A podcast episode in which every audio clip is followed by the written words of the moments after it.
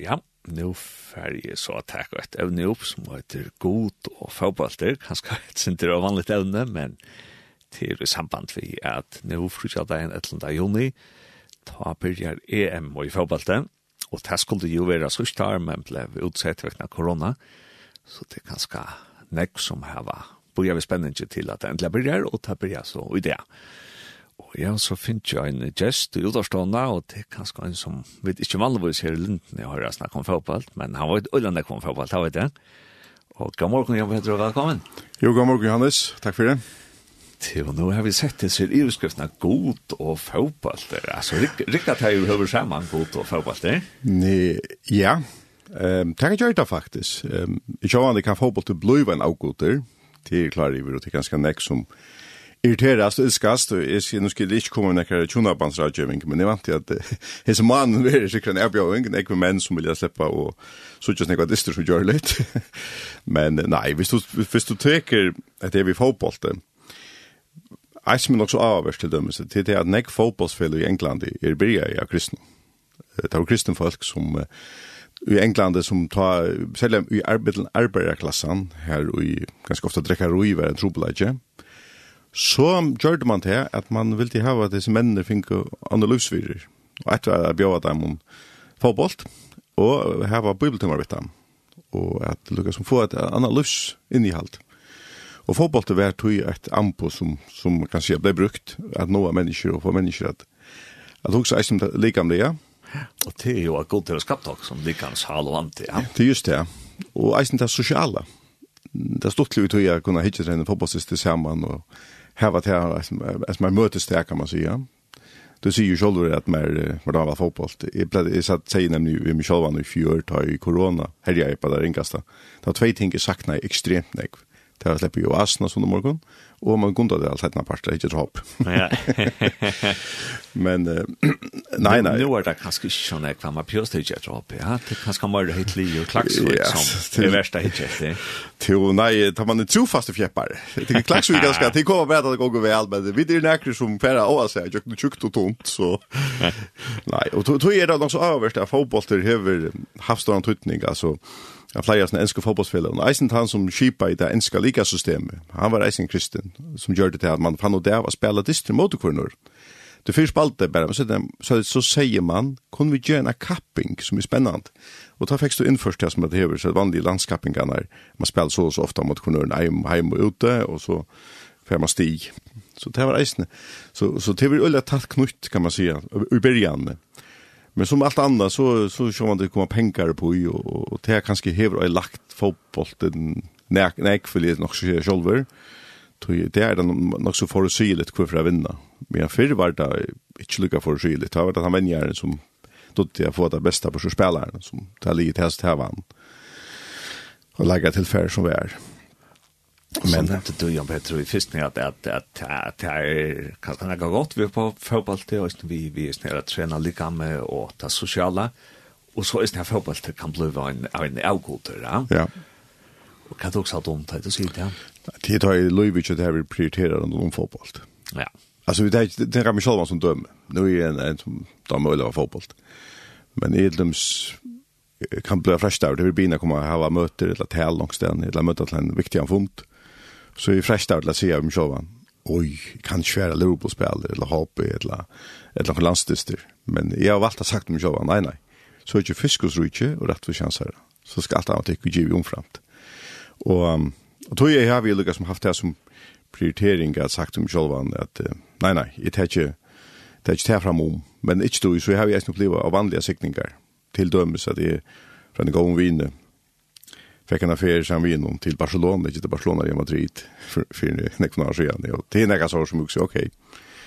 Så nej, jag vill säga att du ska inte täcka Jeg er ikke et like-skrona, eller for et like-skrona for jo er det, og jeg sier om själva, ok, hver kan ikke tale, og hver kan tale, at du nå spiller hopp i her og her. Så på den måten, så kan det bli at fotbollen fer fram om.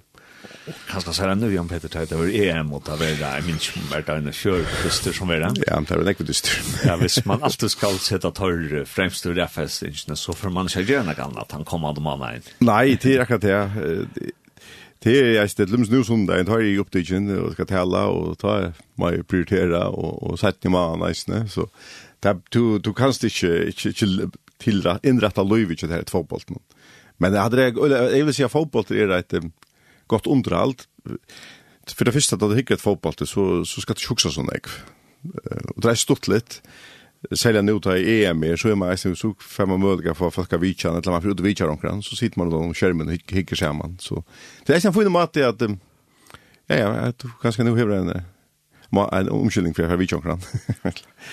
Och sen får ju mat det att att att komma till vi vi folk kanske sälja men. Ja er jo en professor av Leeds, da jeg var PhD-lesant her, og han har jo nok så ringt til jeg kom og tale vi, vi uh, tar mannlige lesante, og han sier så, ok, hva, hva er det som tar snakke om og ganger på, jo, ta vi forbalter, og så begynte han å sette seg noe i bæret vårt, hver hos spalt dette vikskiftet, og hver var han, og så kom mm. han lukket begynne av samtale litt, ja. Ja.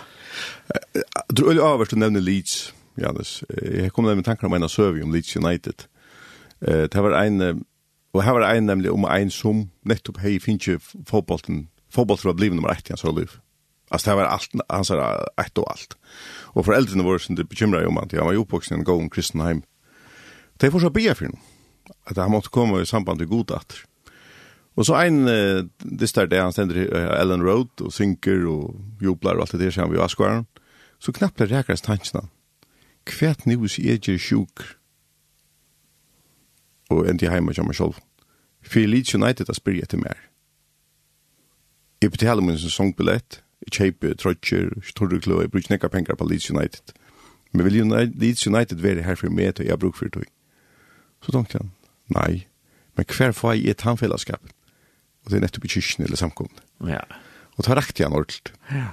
Ikke til at det er skarft affæret til en dist, Men det mer att jag visste till att fotbollen blev ut ett och allt. Ja. Så man blev nek. För då kom den tanken om massa sövnen och då nämnde Leeds United. Ja. Det är så att men det är ju spel United till ödfäll i England som kan fotbollen blev ut.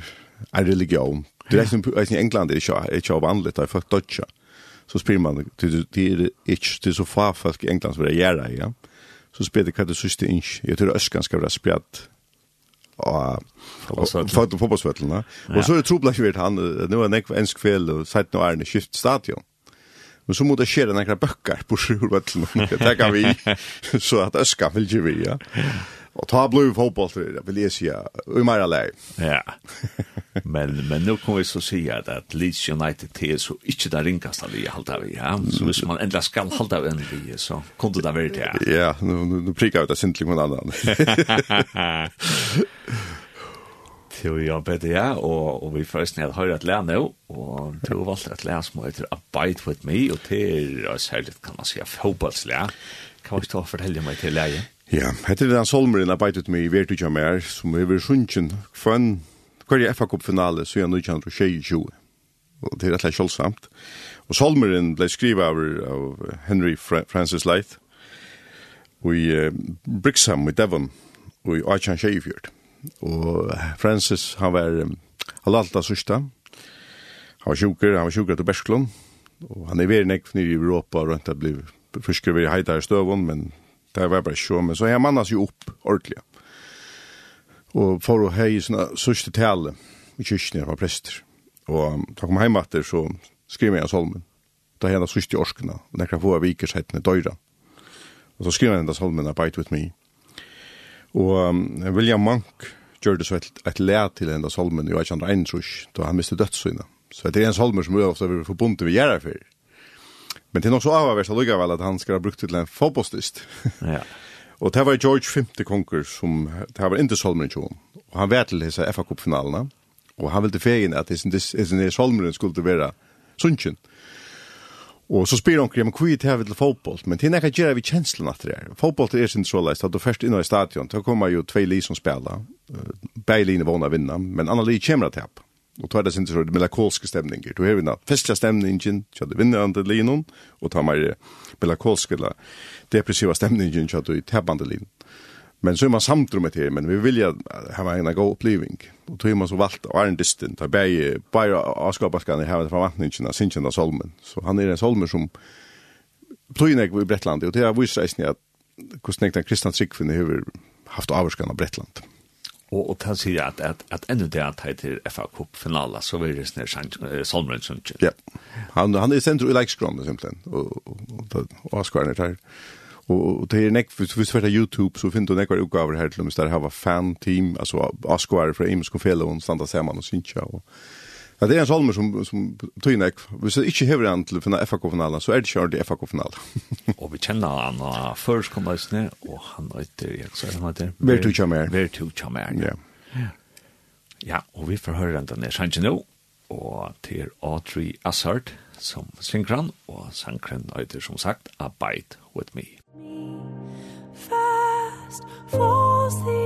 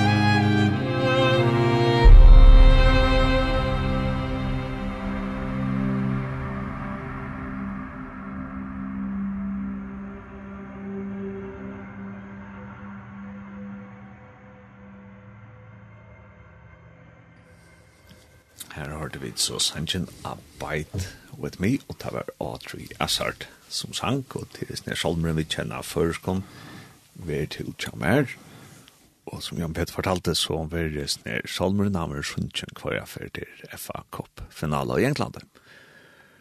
Og ja, lukka som et andre ting og lukket Jan Petter, så har vi akkurat trygg vi og kom, og vi spela fotboll, og sjående er det eh, nærkere fotballspillere og menjere og andre folk som, som har vært en trygg, og to har så særlig funnet øyne fram Jan Peter.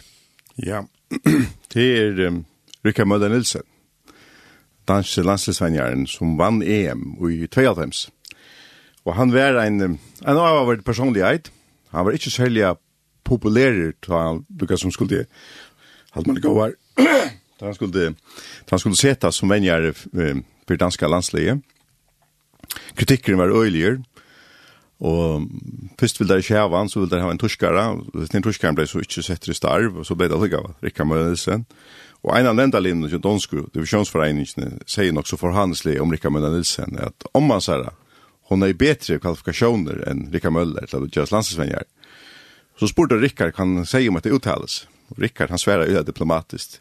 Det kan ikke uttale mig om du jag känner inte kvalifikationerna jag om jeg just ned, som som Benjara.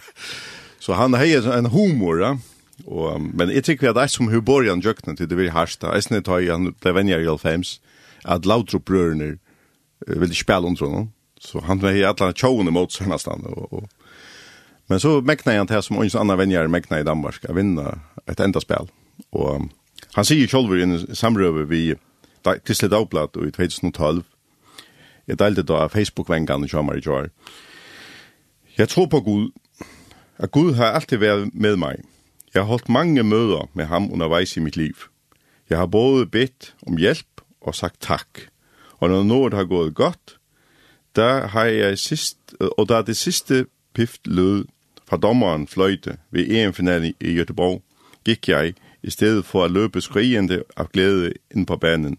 Afsides et kort øjeblik for at sige Gud, min hjertelige tak for sejren. Det manglede der bare. Og det viser bare at han, han var nødvendig, kan man sige, en, en emjuk med over, og, og lydelatt. Men han, han vekna seg her, og jeg just ikke han lød jo i at mennesker som opplever så er press som han er opplever. Eh, at godstrikken er jo en hjelptjon. Han har lukket som ja, har lagt allt framför god och sagt att ja, men god, du är vimmar och jag är nu i Og så så ettermälekjon är ju störst, det är det. Och det kan nesten vara en lärarsättning for åkna i löven att du kan godt være at du møter motgång nu i löven men kan det vara ettermälekjon där. Och han har ett gott ettermäl nu att han har kjølt om menar vär og Så det var nok så nok så alltid nok så speciell søver. Han bare, att nu nu det är EM i fotboll. Att han ja, tås er så opium sånne kristen trygg. Han sier eisen et annet av verst, ta i danskarne, da kom jo vi på et avpå, ja? det var jo borgerkrutsene i utavrande Jugoslavia, og UEFA, da var jo bøltsje sammen, vi førja var eisen til bøltsje, til å kvalsera til EM, det var først for førja rundt jeg seg til enda spela. Og Jugoslavia vann baltjen, men så avgjørte UEFA at blekka Jugoslavia ut ur kappingen. Og ta var det danskerne finge, finge møleik å komme vi i steg Da sier han nemlig at god til gymmer tvei ei. Det ene eier kommer til græter i støvene nere i balkan, men hitte eier kommer til frøyest om at det er sloppen vid leie. Så han tog det vel på en penan diplomatisk måte at um, sier hva han helt om etter å slippe vid leie. Så det må jeg si at han hever, ja, men det her er ikke stort sitat som det er gett i ikke mødelsen. Det er jo bare dokumentarer og filmer gjør det reisende sommeren 2005 med.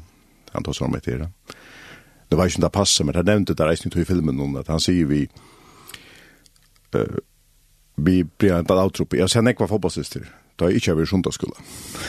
så han, så han er lukka som, haft en som har fotball, men lukka vel, så sundagsskola resten er nekva som han prioriterer.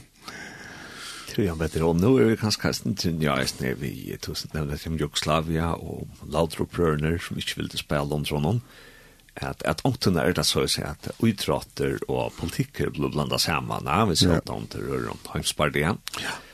Och och det kan ska utmärka som vi söker av var att ta komma så en politisk statement in i mm. fotbollen och så har tog vad hade de inte att att det var förskällt andra bland upp i fotboll. Nej, fotboll ska vara neutralt. Eh har hade det så deilig til fotboll det är det att du kan sagt han hava era man ser vi vet lär du du checka som ting. Men fotbollen på en eller annan måte samman folk på en helt speciell måte. Ehm um, Bedlums landslag jag kan. Det gör när vi kan föringar vi sitter här och Og så kom då dom og så kunde vi sagt hans være tjekkast om först vi skulle lösa fra Danmark eller i samband i Danmark eller är er spår politiska spårningar som vi kunne tjekkast om fisk med logo och vad det. Ja. Men då vi hittet fotbollen så kan akademikeren i havn och og egnaren i Klaksvik sitter li om li og bare i hopla Europa farger da. Men jeg kan nevne et interessant ut i samband med hva fotballen kan gjøre for sammen enn show. Tyskland hei jo et ulike stor antropeleika at han krutsi at tyskar skammast vi er vera tyskar. Man kan si at han mister sina falkasval, eller kan man si at det er tyske svalen. Og dette var en, en eldre mever som jeg hitti, jeg vet, den europeiska bønnerstenen også ofta, um, og jeg hadde Orkun Sveitser, och är tyskaren han han nevnte med til at han er binek for sin land at, at, at tyskar mot tvålega som stoltlega natt eller glede glädje att være tyskar. Og i 2006 da var HM i Tyskland. Det var gott nog HM i Tyskland i fyra år kanske men da var det i Vester-Tyskland.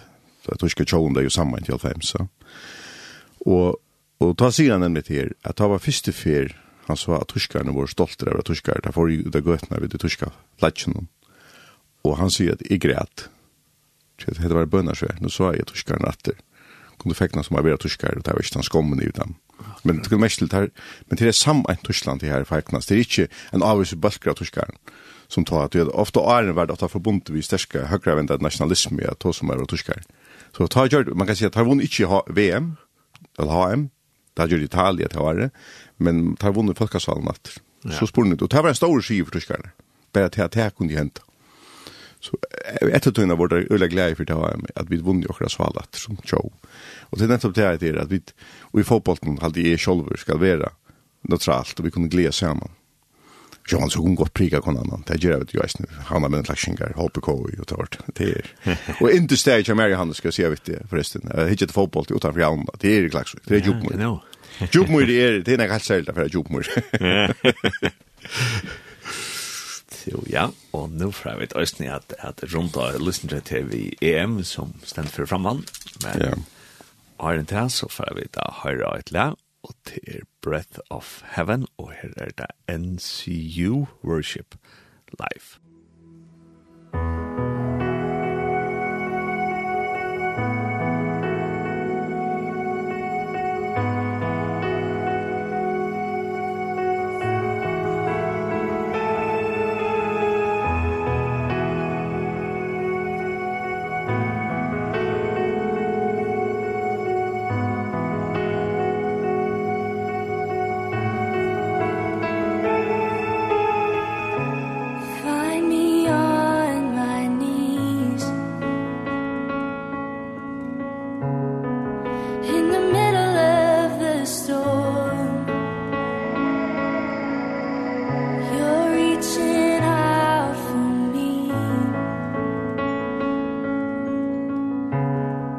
from the center of your heart. I will fear no evil. Your heart is close to sorrow.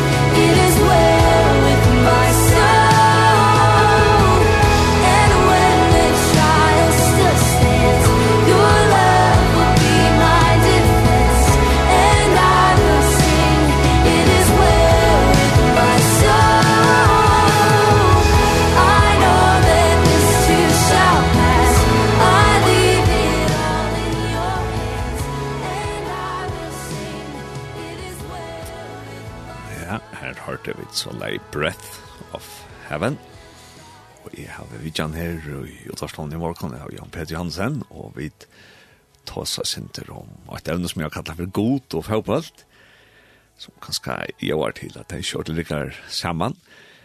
Eh, men alt som vi så for å ta oss om nå til er at vi for å ta oss om eh, EM som nå begynner og det er Jan Peter. Ja. Er du spent til etter EM eh, ja. enda spillet? Jeg er alltid spent til enda spillet. Jeg hadde det rett og stått litt. Det er tre grunder till, till det. Det ene er moral av fotboll, men jeg er eisen är ett landalärnörd. och ja, vi inte där ser ju hans. Vi bare, vi var jo gikk jo flott som alla lärarskolan. Det kan se upplevs av lustaren. Ja. en av lärarmästaren var ju Hans Holm. Så vi tar sitter vi Gamalias fötter. Ja. och Horstwoodles London, ja. Och det är eisen stått litt, lite. Man hickar ett fotboll. Det är Så man spente på hvordan skyldig imenske imenska London för att klara det. Og, och Så det er noe skek, ja. Og eisen det er stått til EM hes for i Ørvise, det er ikke i ene landet, men til spjatt i flere byer i Europa. Ja. Um, så det er Så det er det er veldig spennende eisne, om det hvordan det er fra avvarska urslitene, så det er ganske ikke lyka latta for å si urslitene jo er. Men er alt spent der. og... Og nå kan vi tenke at han først hadde stendende kveld til ja. Torskuje og Italia. Ja, seten der distri hava det til vi et enda jauner bil i linje försiktig. Ja. Så det kan sikkert enda vid en jävla ett ett. Det Men så last dish Messi jag skulle Italien väl vidare sen du vet ja. Ja, Italien är bättre. Ja. Alltså favoritter att vinna EM är Frankrike. Det det flyger runt till det. Det har varit öliga gott li, gott sammanspalt li, det har samma vänjare. Eh Deschamps. Det stod vi honom i till att han är hur möjligheten till hvis han vinner EM. Jag vet han först så vinner EM och han bäger som läkare och som vänjare. Ja. Så det är nog spännande. Men är van att Danmark vinner. Då halt jag alltid vid norra London, Danmark och Sverige. Jag var i Finland för att han plötsligt, men det vant det inte. Men, men Danmark Sverige, det är spännande. Och det är så tror i Norrland som är vi, ja? Danmark, Sverige och Finland ja. som är vi. Ja, är vi, ja. Och, och, så, och så är det det brettiska landet, ja, Skottland, Wales och England. Det är dem, dem fyllt man så, ja. Ja. Och det är spännande, mest, det är mest spännande distan alltid är i Balkanspännen själv. Det är en till nästa frukja kväll. Då det England Skottland. Oha. så det var nog stått lite. Och eisen där man hör snäga viner där nere så kan man sitta och prika. Ja, ja, ja. Och det är alltid eisen i öliga skräck man känner folk runt i Europa. Så är man alltid omkring man kan skriva till och inte att lucka eller säga att det var tjejligt jag tycker. så man tar eisen en omskyldning vi halda samband vi alla servinar man hever runt omkring i Europa. Så det är ja, det är stått fotboll. Det är helt sikkert. Og og Jan Petter, hvis vi skulle kanskje gjøre noe gå råd til, til disse lenge periodene, til, er det ikke Ibra Mana som det var? Jo, jo, det er det. Så det er var... Snakker det til være alt, var ikke det?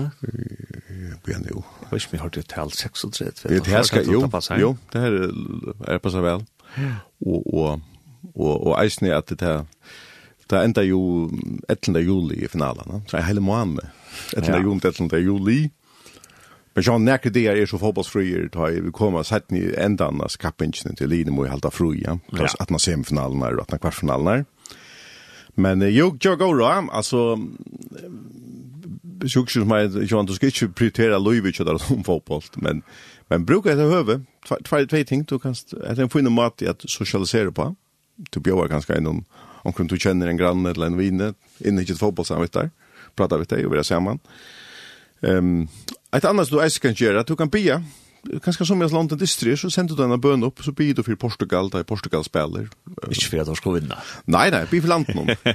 och här har vi, har vi selv en øyla gåa bok som flere eier, Operation World. Jag kan reklamere sin spegler för vägna OM, jeg vet jeg har henne til søle. Man kan eisen downloada som en app.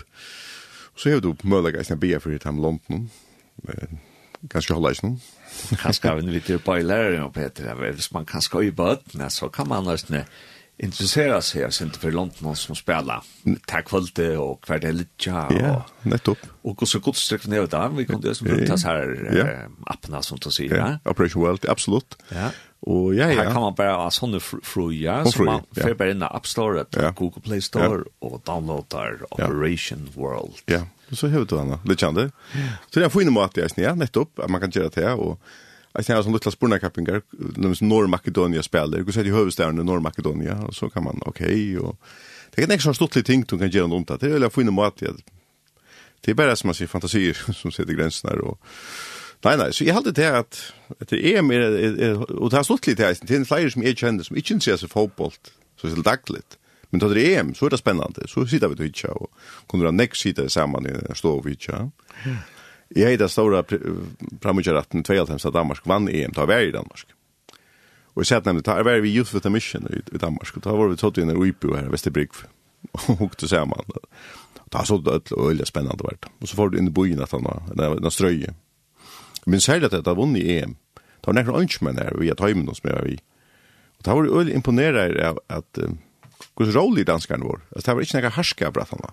England hevde att hur värre var för nekva sån Man ser ballater, men det var 100 000 danskar som fejrade och här var livet glad dag. og, og som du sier, ja, til nekka som samlar folk, og her oppe som er bekvivet til Øyrefellan, her har vi gjørst en type kapping. Hva heter det, ikke nå? Eh, eller vi, ja, nei, ja, faktisk er det. Kan ikke slippe det, vi bygger jo hinne, men det kallar bare seg er Øyelig strengt, det er det som bygger akkurat det til øyre for. Ok, ok. Her er så en vinning vinninger, man kan vinne en har vi bobler på, og så. Å, ja, hvor er det som som hadde bobler på? Nei, nei, nei, nei, nei, Men til, ja, så til en god måte som du sier, at, at, at samlast vi gjør rundt, ja. at knytter relasjoner, og det har vi da vidt at at jeg vidt skulle forklare om om akkurat trygg, at jeg tog har gode relasjoner, at jeg gjør en åpna kanal, at hun kan være sammen med folk i som støven og løven. Ja. Og fortelle om akkurat trygg, like all trygg. Eh, annars fikk jeg et sms inn her, Jan Peter, og han kjente vi med Jakob, vi vet han bare hvor han er. Ja. Han sier at det er 36 dister, og i basketspillen, ja 60 balkaspelare. Og så er det 15 knockoutister så det er øynaltrus till Öjnalsrust. Öjnalsrust, ja. Til Tillsammans. Ja. Og tar det kanskje også ned til, som vi snakker om første morgen, vi, vi prioritering. Ja, at selv om det er spennende at, at att fyllt jag vi får på allt det også att ösnet har fokus rätt. at Jesus ja. säger at, att vi skulle först och främst prioritera Guds rydde. Ja, ja nettopp. Ja, ja. Det är det, er det som er mest områdende i Ötlån. Men att det är att Han var som människa. Jag är ju inte Jesus är färdig fotboll alltså. Han var som falsk ju är, ja. Så men om man vill några det här, jag vet inte men men men att det är att att Jag vet inte hur sitter här och isolerar oss som människor. Alltså, vi är en pastor som saffar landa. Och, och, och, vil ikke, inte, jag vill inte att fotbollsist lejde til sint. Ja, jo, du kan finne på hvis du har problem med temperamentet, at du ganske råpar og åkvem og sår. Ja. Og kanskje hvis det har varit på alkohol blant det nå, Ja. ja. Det ser man tog jag väldigt ofta. Ja. Ja. Og vi tar også det så härska på hooligans ja. och då är det så Jo, så.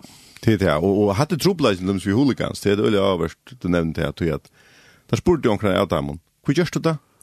Ja, det er ikke fotball, men det är adrenalinet som er fajer renner rundt i götan og bergast. Og det er sort. Men fotball er fotboll är så omskyldning for å gjøre det. Ja med fotboll som själv och rena fotboll äkta fotbollsköpare där har det ju eller stolt där så man. Och och ett annat vi med upp det över fotboll det det det får alltid prata vi omkring. Vi ju schweika snack om så spelar jag inte fotboll och så så kör prat. Ja. Så det är en fin icebreaker. Jo, ja, ja, det är nu för att spela ett annat lätt och senast vi hade så vi hade Abide With Me som vi är till FA Cup-finalen där. Og nå er det altså ikke en dag i fotballte, men vi har valgt et annet lag her som heter Bread of Heaven, altså brei av himmelen. Ja. Skal du kanskje fortelle oss om et til leien? Ja, her er det ønsk i walisiske rugby-landsligspiller. Rugby er den helt store utdrotten i Wales. Sjalt meg fotball til det blir en større setning av ærenet, nå er det vi i EM. Men det walisiske landsligspiller som er Og Millennium Stadium, det er et nå, det er Cardiff Arms Park, har en. Ja så synes jeg det alltid hans Solomon Bread of Heaven. Og det her var fra at du tog inn i Wales hei en stora vetsing. Fyrste, sørste øld var stor vetsing i Wales. Og um, det som Solomon skriver nu kjandru tjei. Og da jeg vetsing var på det meste i Wales, så åpna jeg et samkomhus 8. dag med det. Og, og det ble sunnkje, og hans Solomon var en sånn. Man kallar det for den andre tjåsangen av Alisen. Og framvis i det at jeg var liska landslige spiller, så synes jeg der Bread of Heaven. Og Asgard kan gå finne på, synes jeg der, hvis midt under disten. så det er en solmer som guide me over the great Jehovah blir han vi, og så er det Bread of Heaven en ileg. Så. Det har jeg nå, og så får jeg takke deg for Jan Petter at hun ville komme og utavstående her linden i morgen, og ikke at det er et godt EM til neste mannen. Jo, takk for det, og takk for at jeg kunne være vi. Og forresten så glemte jeg å si at det var John Hughes som har gjort det skrivna salmen. Så, ja. Ja, men selv takk, Janne. Så har du eisen gått EM, så og gå etne vi tippekappingene. Kanskje skal du vinne en tur i Bobleberg? Ja, for right, Ja, så vi får høre den der Sanchez News, som heter Breath of Heaven. Ja.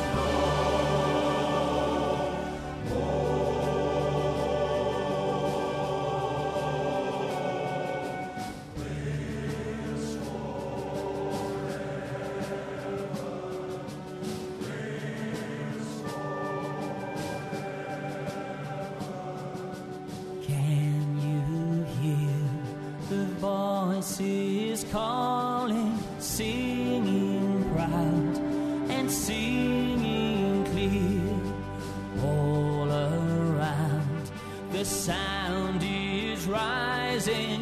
One